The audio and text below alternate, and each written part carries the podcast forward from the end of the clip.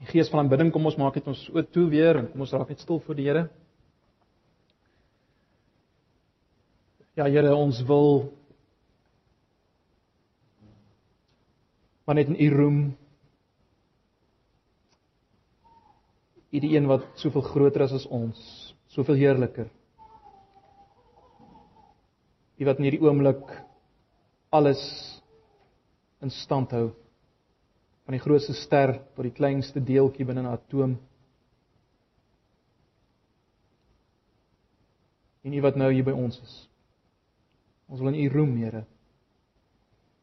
En nou wil ons vra Here dat U sal kom deur die Heilige Gees en deur U woord en U vanoggend ons denke sal vernuwe en ons harte sal beweeg juis sodat ons nog meer in U kan roem U kan groot maak sodat ons nog meer 'n begeerte sal hê om te bid.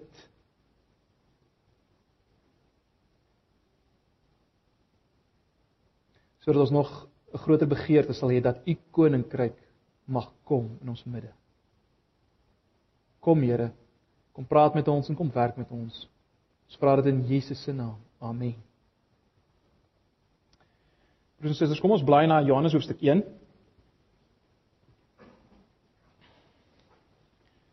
Terwyl jy blaai, miskien moet ek net verduidelik hierdie papiertjie 'n uh, paar papiertjies, hierdie bindeltjie, hierdie eerste les wat jy gekry het uh oor Johannes Evangelie wat jy daar buite gekry het. Dit is bedoel uh om in die selgroepe bestudeer te word of as jy nog nie in 'n selgroep is nie in jou in jou gesin, maar ons wil tog vra dat as jy nog nie in 'n selgroep is nie, dat jy so gou as moontlik sal deel word van een. As jy nie weet waar nie, kontak miskien vir my. Ehm um, of vir Karel van Rooyen. Karel is daar agter. Ehm um, so hierdie is die eerste les. Jy sal sien ek, ons het 'n uh, twee gaatjies daarin gesit sodat jy dit in 'n leer kan sit, want ek gaan nou so Sondag na Sondag een uitdeel, so sit dit in 'n leer en later is dit sal dit 'n redelike dik storie wees. Ehm uh, waarskynlik sal ek dit dan later in 'n boekvorm sit. Uh so moenie nou daardeur lees terwyl ons spreek nie asseblief. Die eerste een is maar net 'n uh, bietjie van 'n oorsig, die eerste twee blaaie en dan is dit die eerste studie. Heel aan die einde van die studie sal jy sien is daar plek vir preeknota. So jy kan nou goeders byvoeg wat jy vanoggend dalk hoor. Ehm uh, kan jy byvoeg en dan is dit dan is dit sommer daarby. Miskien moet ek net iets sê oor oor hoe ek dink mense sou dit kon aanpak. Ehm um, daar's heelwat inligting op in hierdie stuk. Maar by julle groepe, baie van julle groepslede is dalk nie hier nie, maar die van julle wat hier is, luister nou maar vir die ander ook. Ehm uh, daar's moontlike besprekingsvrae om mee te begin. Ek sou voorstel dat julle as groep daar begin. Met ander woorde, moenie deur al die ander goed lees as groep nie. Begin by die besprekingsvrae. Raak besig met die Bybel self en eh, soos julle vashak en van goed nie weet nie, kan julle teruggaan en daarna kyk. Jy kan dit op jou eie deur lees dalk in hierdie week voor jou selgroep lees hierdie eerste gedeeltes deur. Maar in die selgroep behandel ons daai moontlike besprekingsvrae. So ons begin, dit is ons vertrekpunt. Ek wil tog net vra dat julle dit min of meer so sal doen. Ehm um, as daar van julle is wat weet, daar's nou baie van julle selfgroeplede wat nie ver oggend hier is nie wat wat wel die geval is. Ek weet heelwat mense is is volgens nie hier nie. Ehm um, en julle dalk hierdie week selfgroep. Vat sommer vir hulle kopieë daar agter asseblief. Goed. Dis al wat ek wil sê oor uh oor die papiere wat uitgedeel is daar agter. Kom ons lees saam nou uh, Johannes 1 uh kom ons lees vers 1 tot 18 saam. Ons sal vanoggend waarskynlik net fokus op die op die eerste 3 verse. Johannes 1 vanaf vers 1 tot 18. Kom ek lees maar die 83 vertaling. In die begin was die woord daar en die woord was by God en die woord was self God. Hy was hy was reeds in die begin by God. Alles het deur hom tot stand gekom. Ja nee, enkele ding wat bestaan het sonder hom tot stand gekom nie. In hom was daar lewe en die lewe was die lig vir die mense. Die lig skyn in die duisternis, die duisternis kon dit nie uitdoof nie. Daar was 'n man wat deur God gestuur is, sy naam was Johannes. Dis natuurlik nou Johannes die Doper, né? Nee. Dis nie die skrywer nie. Sy naam was Johannes. Hy het gekom om getuienis af te lê. Hy moes van die lig getuig sodat almal deur hom tot geloof kon kom. Hy was self nie die lig nie, maar hy moes oor die lig getuig. Die ware lig wat elke mens verlig was aan die kom na die wêreld toe. Hy was in die wêreld, die wêreld het deur hom tot stand gekom en tog het die wêreld hom nie erken nie. Hy het na sy eie dom toe gekom en tog het sy eie mense hom nie aangeneem nie. Maar aan almal wat hom aangeneem het, die wat in hom glo, het hy die reg gegee om kinders van God te word. Hulle is dit nie van nature nie, nie deur die drang van 'n mens of die besluit van 'n man nie, maar God is hulle Vader. Die woord het mens geword en onder ons kom woon. Ons het sy heerlikheid gesien, die heerlikheid wat hy as die enigste seun van die Vader het, vol genade en waarheid. Johannes getuig van hom en roep uit: "Dit is hy wat ek bedoel het toe ek gesê het, hy wat na my kom, is voor my, want hy was voor my reeds daar." Uit sy oorvloed het ons almal genade op genade ontvang. God het die wet deur Moses gegee, die genade en die waarheid het deur Jesus Christus gekom. Niemand het God ooit gesien nie, sy enigste seun, self God, wat die naaste aan die Vader is, die het hom bekend gemaak.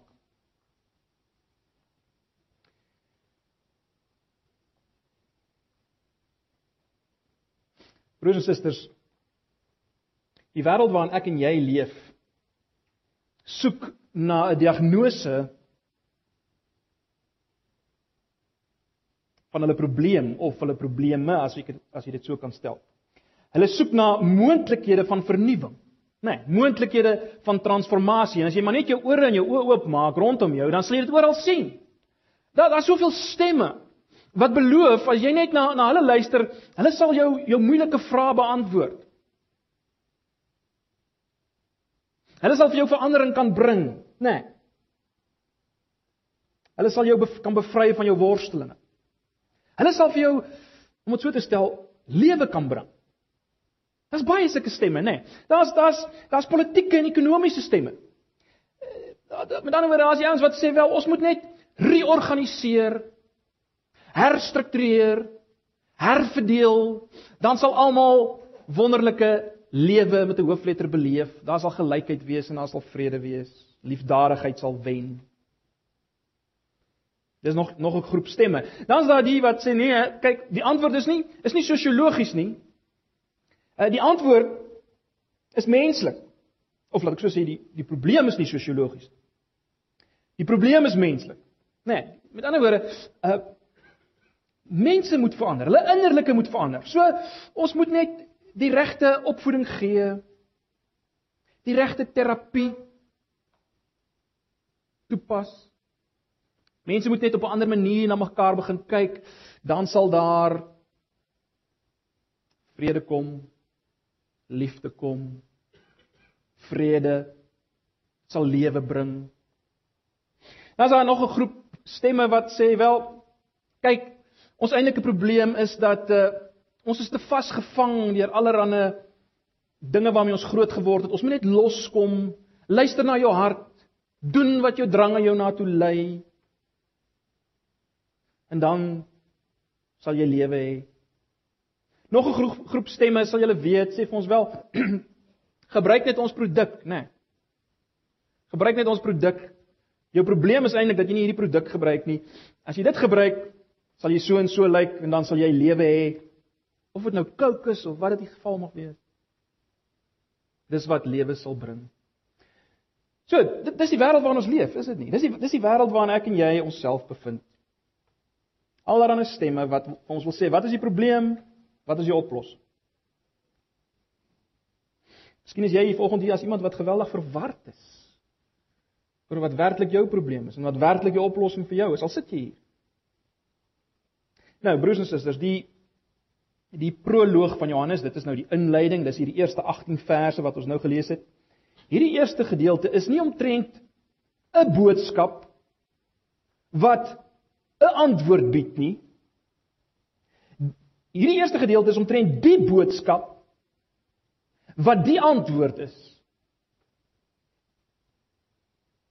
Wat die lewe kan gee. Die enigste hoop. Alles natuurlik wat in hierdie proloog is, in hierdie eerste 18 verse word verder uitgebou in die res van Johannes se evangelie, nê. Nee. En uh, as die Here wil sal julle dit nou sien soos julle dit ook gaan doen in julle groepe. Maar alles wat hier in die eerste 18 verse is, word in die res van die boek as te ware verder net uitgebou. Ek sê weer hierdie eerste 18 verse gaan alreeds oor die boodskap wat die hoop is. En nou is die die verrassende ding is as jy nou kyk hierna, dan sien jy die die hoop, die boodskap is nie net 'n idee nie. Dis nie goeie voorstelle nie. Dis ook nie 'n produk nie. Dis 'n persoon.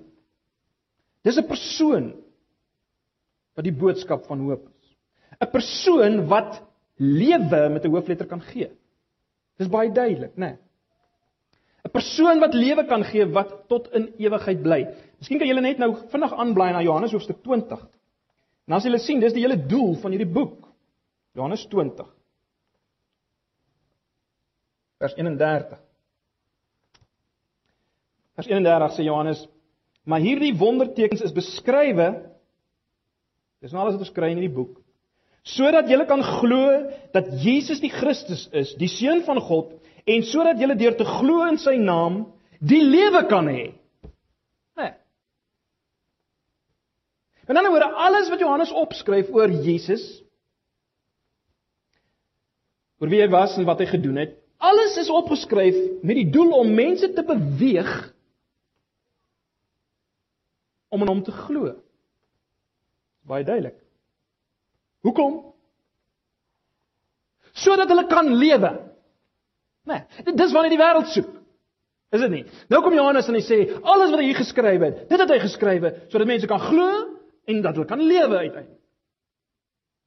Nou, baie belangrik. Moenie dink dat hierdie boek net vir ongelowiges is. Moenie dink, wel, ag Jakobus, kyk, ek is mos daarom al 'n gelowige vir 40 jaar. En uh dan sak jy weg in 'n rustige slaap vanoggend. Moenie dat dit gebeur nie. Broers en susters, dit is baie duidelik dat die wat glo in Jesus met die gevolg dat hulle sal lewe hê, die wat glo in Jesus moet voortgaan in hom te glo. Dit is die hele punt. Die wat glo in hom moet voortgaan om te, te glo as hulle gered wil word, as hulle lewe wil hê. Dis baie duidelik, né? Nee. Luister net na Johannes 15 vers 6. Jy hoef nou nie al hierdie gedeeltes na te slaan nie, luister maar net. Johannes 15 vers 6. As iemand nie in my bly nie, word hy weggegooi soos 'n loot en hy verdroog. Die mense maak sulke lote bymekaar en gooi dit in die vuur en dit verbrand. So moenie volgens sê ag ek ek glo mos al lankal nie. As jy nie bly glo nie, as jy nie in hom bly nie. Dis wat Jesus sê. Daarom is dit belangrik dat jy sal luister. Johannes 8 vers 31, luister wat sê Jesus daar. As julle in my woord bly, is julle waarlik my disippels. Nie as julle eenmaal terug teruggeglo het nie. Nie as in my woord bly, is julle my disippels. So broers en susters, wanneer Johannes kom en hy sê hierdie dinge is beskrywe sodat julle kan glo en sodat julle uiteindelik die lewe kan hê deur te glo, dan eh, dan is dit geskryf om aan die een kant geloof wakker te maak in die mense wat nog nie Jesus omhels het en glo in die ware sin van die woord nie aan die een kant en is aan die ander kant daar om geloof uh te onderhou in mense wat reeds glo en beide uiteindelik lei na die lewe lei na uiteindelike ewige lewe en finale verlossing. As min boeke in die Bybel wat meer geskik is broers en susters om uh om gelowiges aan die een kant tot geloof te bring en aan die ander kant om Christene te help om Christus werklik te vertrou as skat bo alles. Min boeke wat so behulpsaam is hiermee, soos Johannes se evangelie. Wat ons moet onthou as ons as ons besig raak met hierdie boek, ons moet onthou ons is hier besig met iets wat deur 'n ooggetuie neergeskryf is. 'n Ooggetuie van van hierdie ontsaglike gebeure 'n bietjie meer as 2000 jaar gelede. Dis hy wat vir ons hier skryf. Is interessant as jy nou deur die boek gaan sal jy opmerk 5 keer word hier gepraat van die die een wat Jesus liefgehad het of die disipel vir wie Jesus liefgehad het. Kom 5 keer voor in hierdie evangelie. Heel aan die einde in Johannes 21 vers 20 lees ons die volgende as jy wil kan jy van ons so intoe blaai maar is nie nodig. In Johannes 21 vers 20 sien ons die volgende.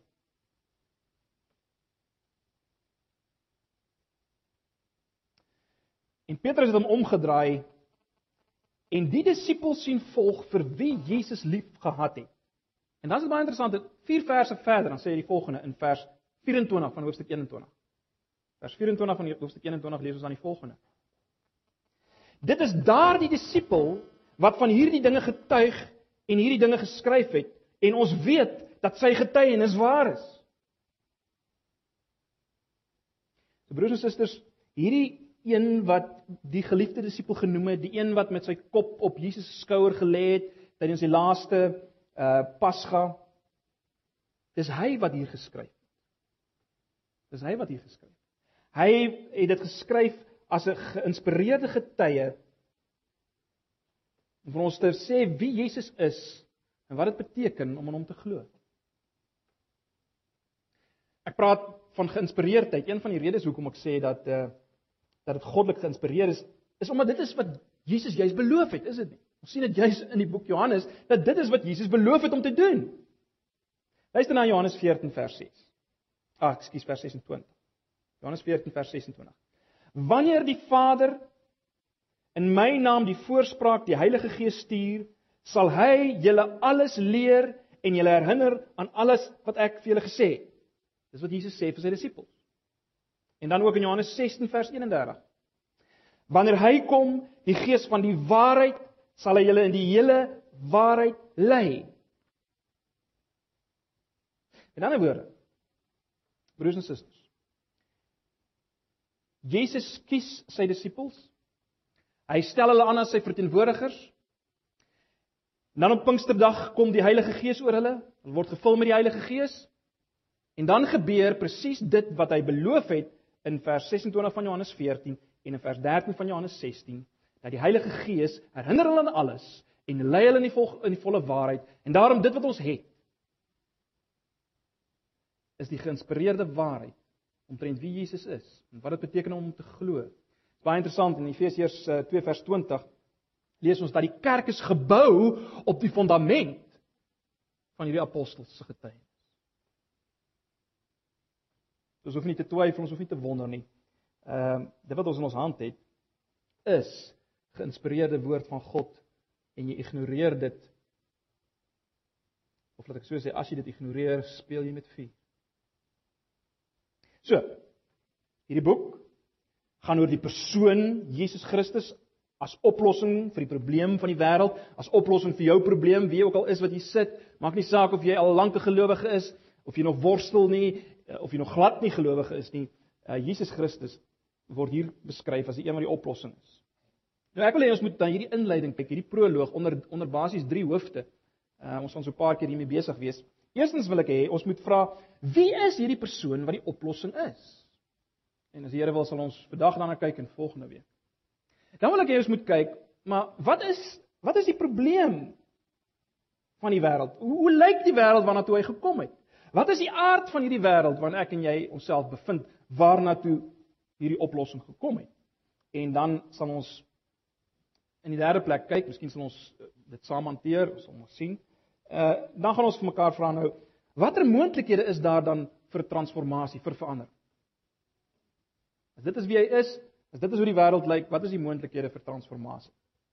So dis waarmee ons gaan besig wees.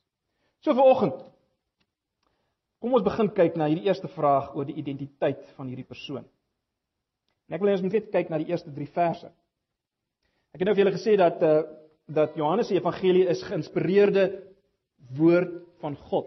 En daardie woorde woord van God bring ons onmiddellik uh in die eerste 3 verse, né? Nee. Luister net na vers 1 tot 3 weer.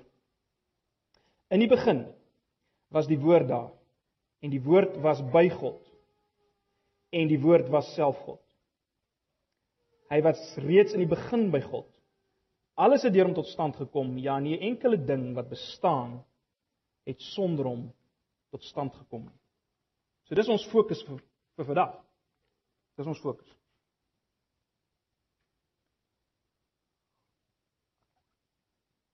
Kom ons fokus eerstens op hierdie term die woord. In die begin was die woord. Nou die belangrikste ding omtrent die woord word in vers 14 gevind. As jy net vinnig julle oë laat afgaan na vers 14, né? Nee.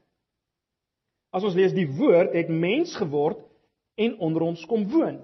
Nou, ek dink elkeen van julle wat hier sit, sal weet die woord verwys na Jesus Christus, né? Nee. Kyk, Johannes weet waaroor hy nou gaan skryf in hierdie 21 hoofstukke, né? Nee. Hy gaan vertel wat wat Jesus Christus gedoen en geleer het. Ek meen die boek gaan oor die lewe en werk van die man Jesus Christus, die een wat Johannes let wel gesien het. Hy het hom gehoor. Hy het aan hom gevat. Hy het saam met hom gestap. En lees maar net 1 Johannes 1 vers 1. Hierdie man het vleis en bloed gehad soos ek en jy. Hy was nie 'n gees nie.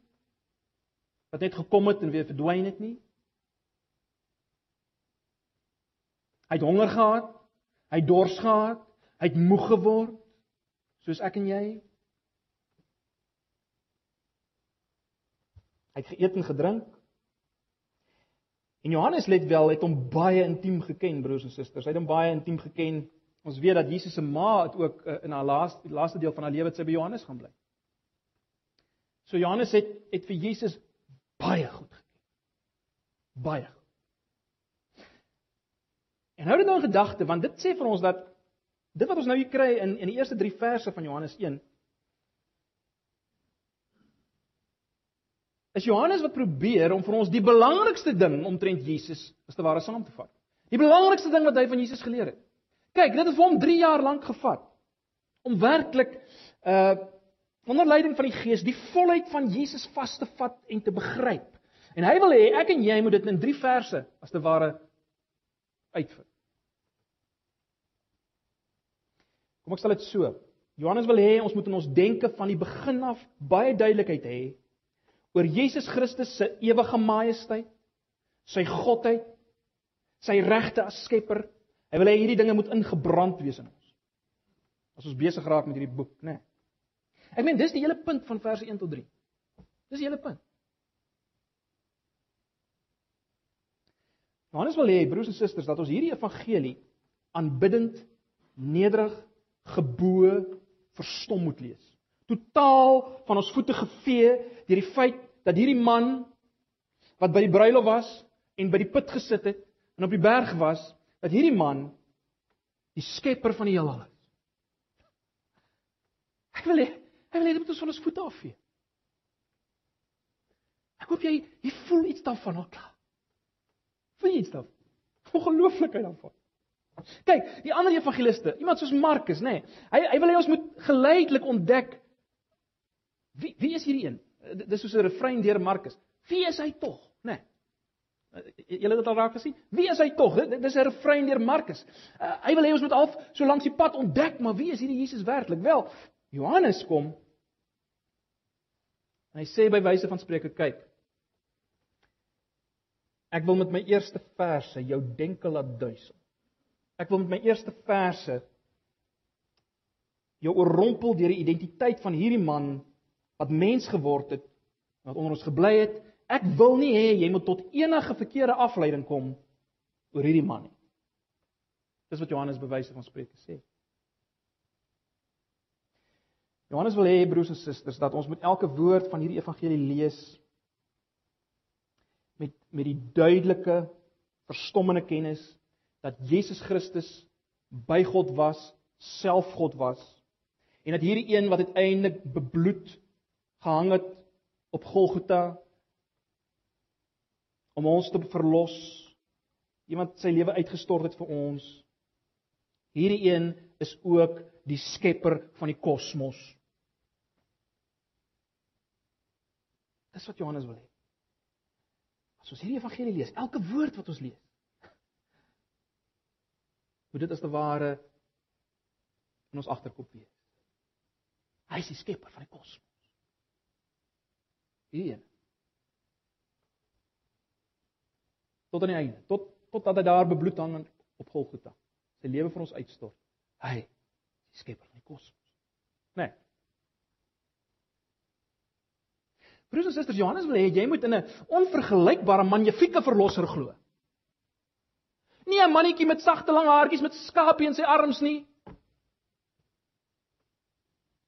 Nee, 'n magnifieke verlosser. Onbegryplike groot een. Dis wat hy wil hê. Hy wil hê jy moet sê sy onbeperkte majesteit sien. Nou goed. Miskien vra jy, Maar hoekom kies hy om Jesus die woord te noem? Hoekom kies hy om Jesus die woord te noem? Nou baie ouens het baie idees hier rondom hoe hoekom hoekom hy dit gebruik, gebruik dit in die lig van die Griekse agtergrond en so meer, maar as mens kyk na Johannes Evangelie, is dit baie duidelik dat dat Johannes ontsettend sterk steun op die Ou Testament. Dis sy agtergrond. Hy val geweldig terug op die Ou Testament. En daarom moet ons kyk na die Ou Testamentiese gebruik van die term woord. En dit is baie interessant. As jy kyk na die Ou Testament, dan sien mens dat God se woord was sy kragtige selfuitdrukking. Dis hoe God homself bekend gemaak het, né? Nee, gewys het, sigbaar gemaak. Baie duidelik as jy die Ou Testament lees.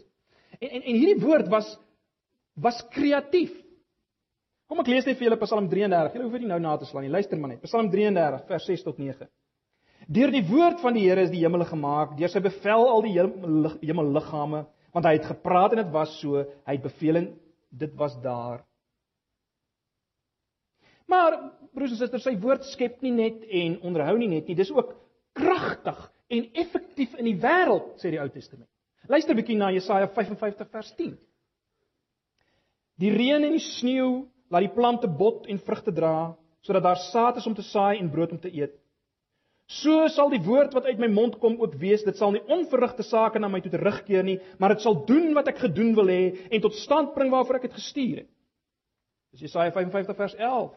En Jesaja 45 vers 18 lees ons: My woord gee lewe. En ons sien dat die verkiesing van Israel vind plaas deur deur God se woord, né? Nee. Ons sien in die geskiedenis kom God se woord op profetiese manier as so spreek die Here of so sê die Here. En baie belangrik en iets wat ons moet moet raak sien in die Ou Testament is dat dat hierdie woord van die Here is nie net 'n gesproke woord nie. Hierdie woord uh is as te ware 'n gebeure. Dit is as, as te ware ook 'n handeling. So lees mense dat die woord het na iemand gekom. En mens lees van die profete het die woord van die Here gesien. Baie interessant. Woord het gekom. Woord sien. En hierdie woord kon verdoemend wees, maar hierdie woord kon ook lewe wek, né? Nee. Dis wat ons lees van die woord in die Ou Testament. Nou kyk, broers en susters, ons kan verwag. Ons kan verwag, né? Nee, dat God se woord baie meer is as ons woorde, nie waar nie? Natuurlik is ons woorde ook 'n 'n soort van 'n uitdrukking van dit wat in ons denke aangaan. Maar ons kan net verwag dat soos met alles van God, is sy woord wat homself uitdruk is net ontsaglik meer as ons woord. Ontsaglik. Totaal iets anders. Sy woord. So hoekom gebruik Johannes die term? Wel, Johannes wil hê ons moet verstaan dat Jesus self sy koms, sy lewe hier op aarde, alles wat hy gesê het, sy lering, sy kruisiging en sy opstanding, dit is die beslissende finale boodskap van God, maar is die beslissende laaste selfuitdrukking van God, dit is die woord van God. Alles wat die Ou Testament gesê het van die woord kom nou in finale vorm. Dis God se woord. Soos God se eerste woorde was, laat daar en daar was lewe, is sy laaste woorde Jesus en daar's lewe, die hoofletter. En dis wat ons moet sien. Dis wat Johannes ons wil wys, né? Nee, dis wat ons moet sien. Ek hoop julle hoor wat ek probeer sê. Wat God vir ons wil sê, broers en susters, is nie net wat Jesus gesê het nie. Maar wat hy was, wie hy was en wat hy gedoen het. Ja, natuurlik het, het hy ook woorde gebruik om homself te verduidelik en so meer, maar maar hy self en wat hy gedoen het is die hoofwaarheid wat God kom openbaar het. Dis die hoofwaarheid sê ek wat God kom openbaar het. Julle sal onthou Johannes 14 eh, vers vers 6 waar Jesus sê ek is die waarheid. Ek, nie wat ek sê nie, nie wat ek leer nie, Ek is die waarheid. Né? Nee.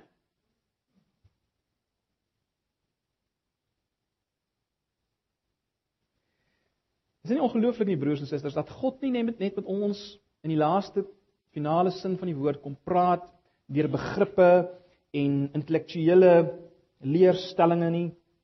Hy kom praat met ons deur Jesus. Jesus wat aan mense kan vat hulle kan vertroos rondbeweeg, heel maak. Dis God se laaste woord. Sê soveel van ons God, né? Nee. Maar goed. In Openbaring 19 vers 13 skryf dieselfde Johannes, selfe skrywer.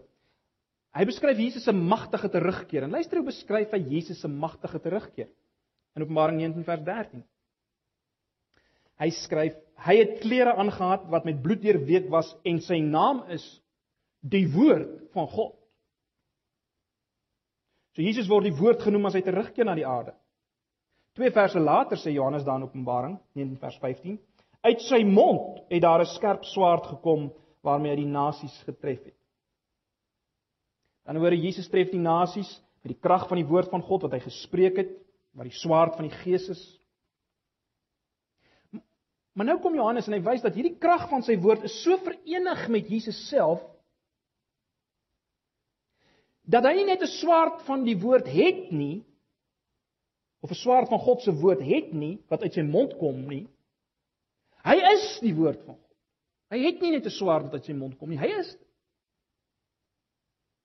So, wat probeer ons sê broers en susters? Wanneer Johannes se evangelie begin, As hy dit so begin met in die begin was die woord. Dan het Johannes in gedagte al die openbaring, al die waarheid, al die getuienis, al die heerlikheid, al die lig, al die woorde wat Jesus wat uit Jesus gekom het in sy lewe en sy lering, in sy sterwe en in sy opstanding.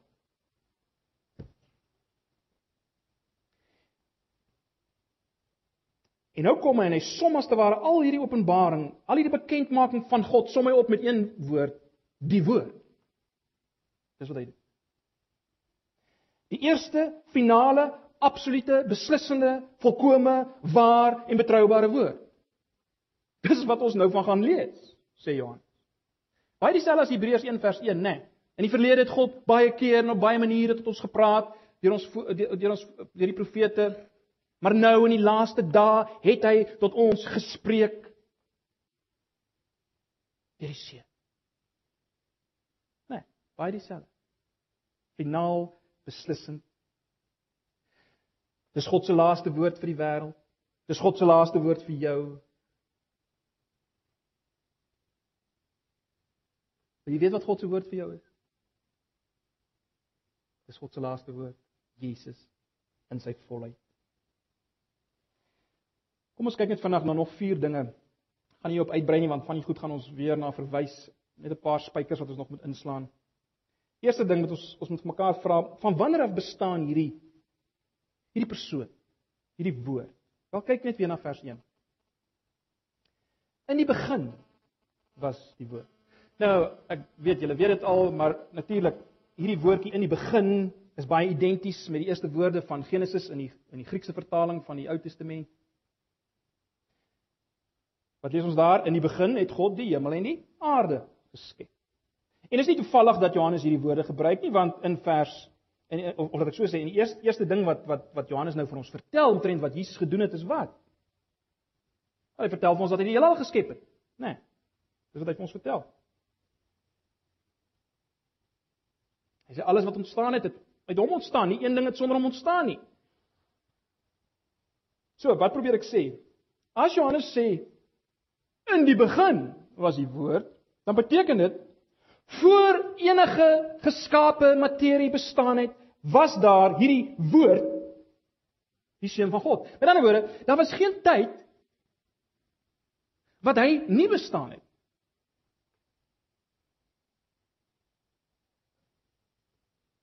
Broers en susters, ons moet dit vat. Die een waarvan ons hier lees, een wat ons gaan leer ken in in hierdie evangelie van Johannes, was voor enige tyd voor enige materie voor voor enigiets wat was daar die woord. Die seun van God. So dit wat betref sy bestaan of die tyd van sy bestaan. Wat is die essensie van sy identiteit? Dis 'n tweede ding wat ons moet vasvat. Ons het indirek daarna gekyk. Ons gaan weer daarna kyk Maar kyk net weer na vers 1. Ons beperk ons net tot hierdie eerste 3 verse. Die einde van vers 1, die woord was God. Punt. Die woord was God. Daarom broers en susters, my gebed is dat ons uiteindelik as ons klaar is met hierdie evangelie dat ons saam met Thomas sal neerval voor Jesus en sal uitroep my Here en my God. Dis wat ons moet sien. En dis wat ons weer gaan weet. As ons week na week gaan besig wees met hierdie evangelie om Jesus beter te leer ken, wat gaan gebeur? Ons gaan God beter leer ken. Moenie dit vergeet nie. Daar is nie 'n ander God nie agter Jesus nie. As jy God wil leer ken, kom luister elke Sondag na Johannes Evangelie. Raak daarmee besig. 'n Derde ding, wat ons net baie vinnig wil uitlig. Kyk na die middel van vers 1. Die woord was by God. sien julle dit? Ons het nou gesien die woord was God, maar nou lees ons die woord was by God. Broers en susters, ons staan hier voor die misterie van die drie eenheid. Die geheimenis van die drie eenheid, né? Nee. Hierdie woord Jesus Christus was by God en hy was God. Met ander woorde, hy is God aan die een kant, maar hy's ook in 'n verhouding met God. Hy is God en hy's die beeld van God. Hy reflekteer alles wat God is, maar aan die ander kant staan hy uit uh van alle ewigheid af as 'n onderskeidbare persoon, persoon wat in volle God is. So ja, daar's een goddelike, mens kan sê wese of essensie en daar is drie persone of as jy wil, drie sentrums van bewustheid. Dis God. een wese. Drie sentrums van bewustheid, drie persone. Hier maak ons kennis met die Vader en die Seun. Later gaan ons kennis maak in Johannes met die Heilige Gees.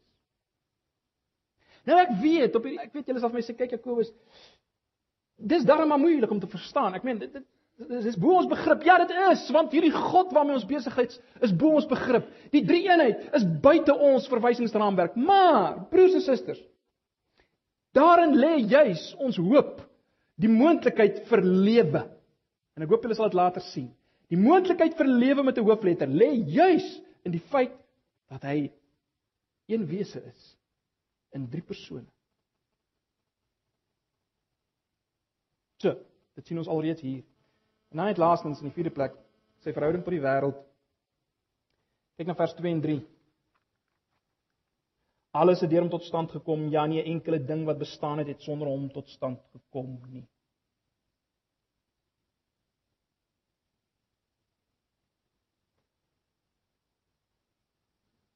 Dan nou, wat kom wat wat sê Johannes hier vir ons?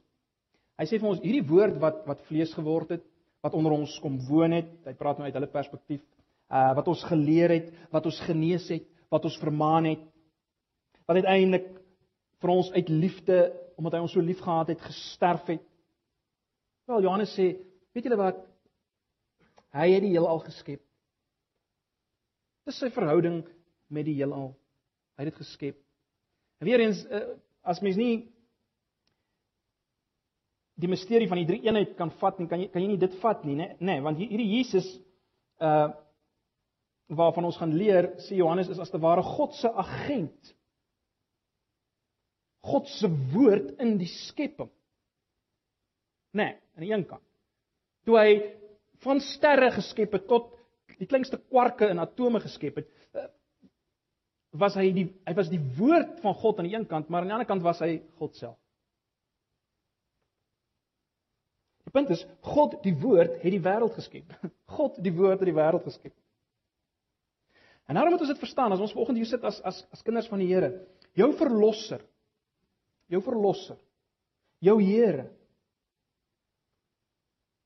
Hy is ook jou maker. Hy is ook jou maker. Die maker van alles rondom jou. Hy daarom reg op alles. Ek sluit af. As jy vanoggend nog hier sit as iemand vir wie Jesus maar baie faal is baie soetsappig is. Jy het geen begeerte om jou lewenswyse radikaal te verander en aan te pas by hom nie. Jy het geen lus om hom te vereer en te erken as die hoogste skat op aarde nie. As jy soos as dit jou posisie is volg. Jy sal weet waar jy is volg. Jy sal weet waar gaan jy jou tyd, jou energie, waar lê jou liefde, waar lê jou hart? Jy sal weet of dit lê by hierdie persoon en of dit nie daar lê nie. Ag. Besef jy dis dwaas. Besef jy dis dwaas volgens om te luister na al die ander stemme wat hoop bied en lewe bied met 'n hoofletter. Besef jy hoe gek dit is om te hardloop agter elke nuwe gier wat beloof dat jy gaan vervulling vind hier. As jy net so lyk, sal dit beter gaan. As jy net dit het. Dis gekkerny. Hier's die lewe. Hier's die lewe. Kom na hom. Kom luister. As ons besig is met hierdie boek, doen dit bidtend. Buig voor hom. En mag jy uiteindelik waarlik kom tot die punt waar jy glo en aanhou glo met alles wat dit behels. In die woord wat van die begin af daar was. Amen. Kom ons bid net saam. Here baie dankie vir die woord. Dankie Jesus vir u self. My gebed is Here dat dat u ons totaal en al weer opnuut van ons voete sal vee deur wie u is. As ons gaan besig wees met die boek op eh, met die boek Johannes. Doen dit deur die Gees. Here, u weet ons sit hier as mense wat wat baie weet, wat al baie uit Johannes uit preke gehoor het, wat al baie Johannes gelees het.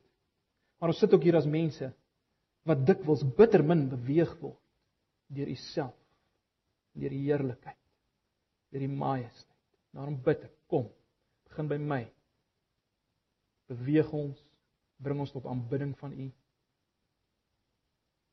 Sodat ons kan lewe met 'n hoofletter. Asseblief, pleit dit van U. Ons vra dit in Jesus se naam. Amen.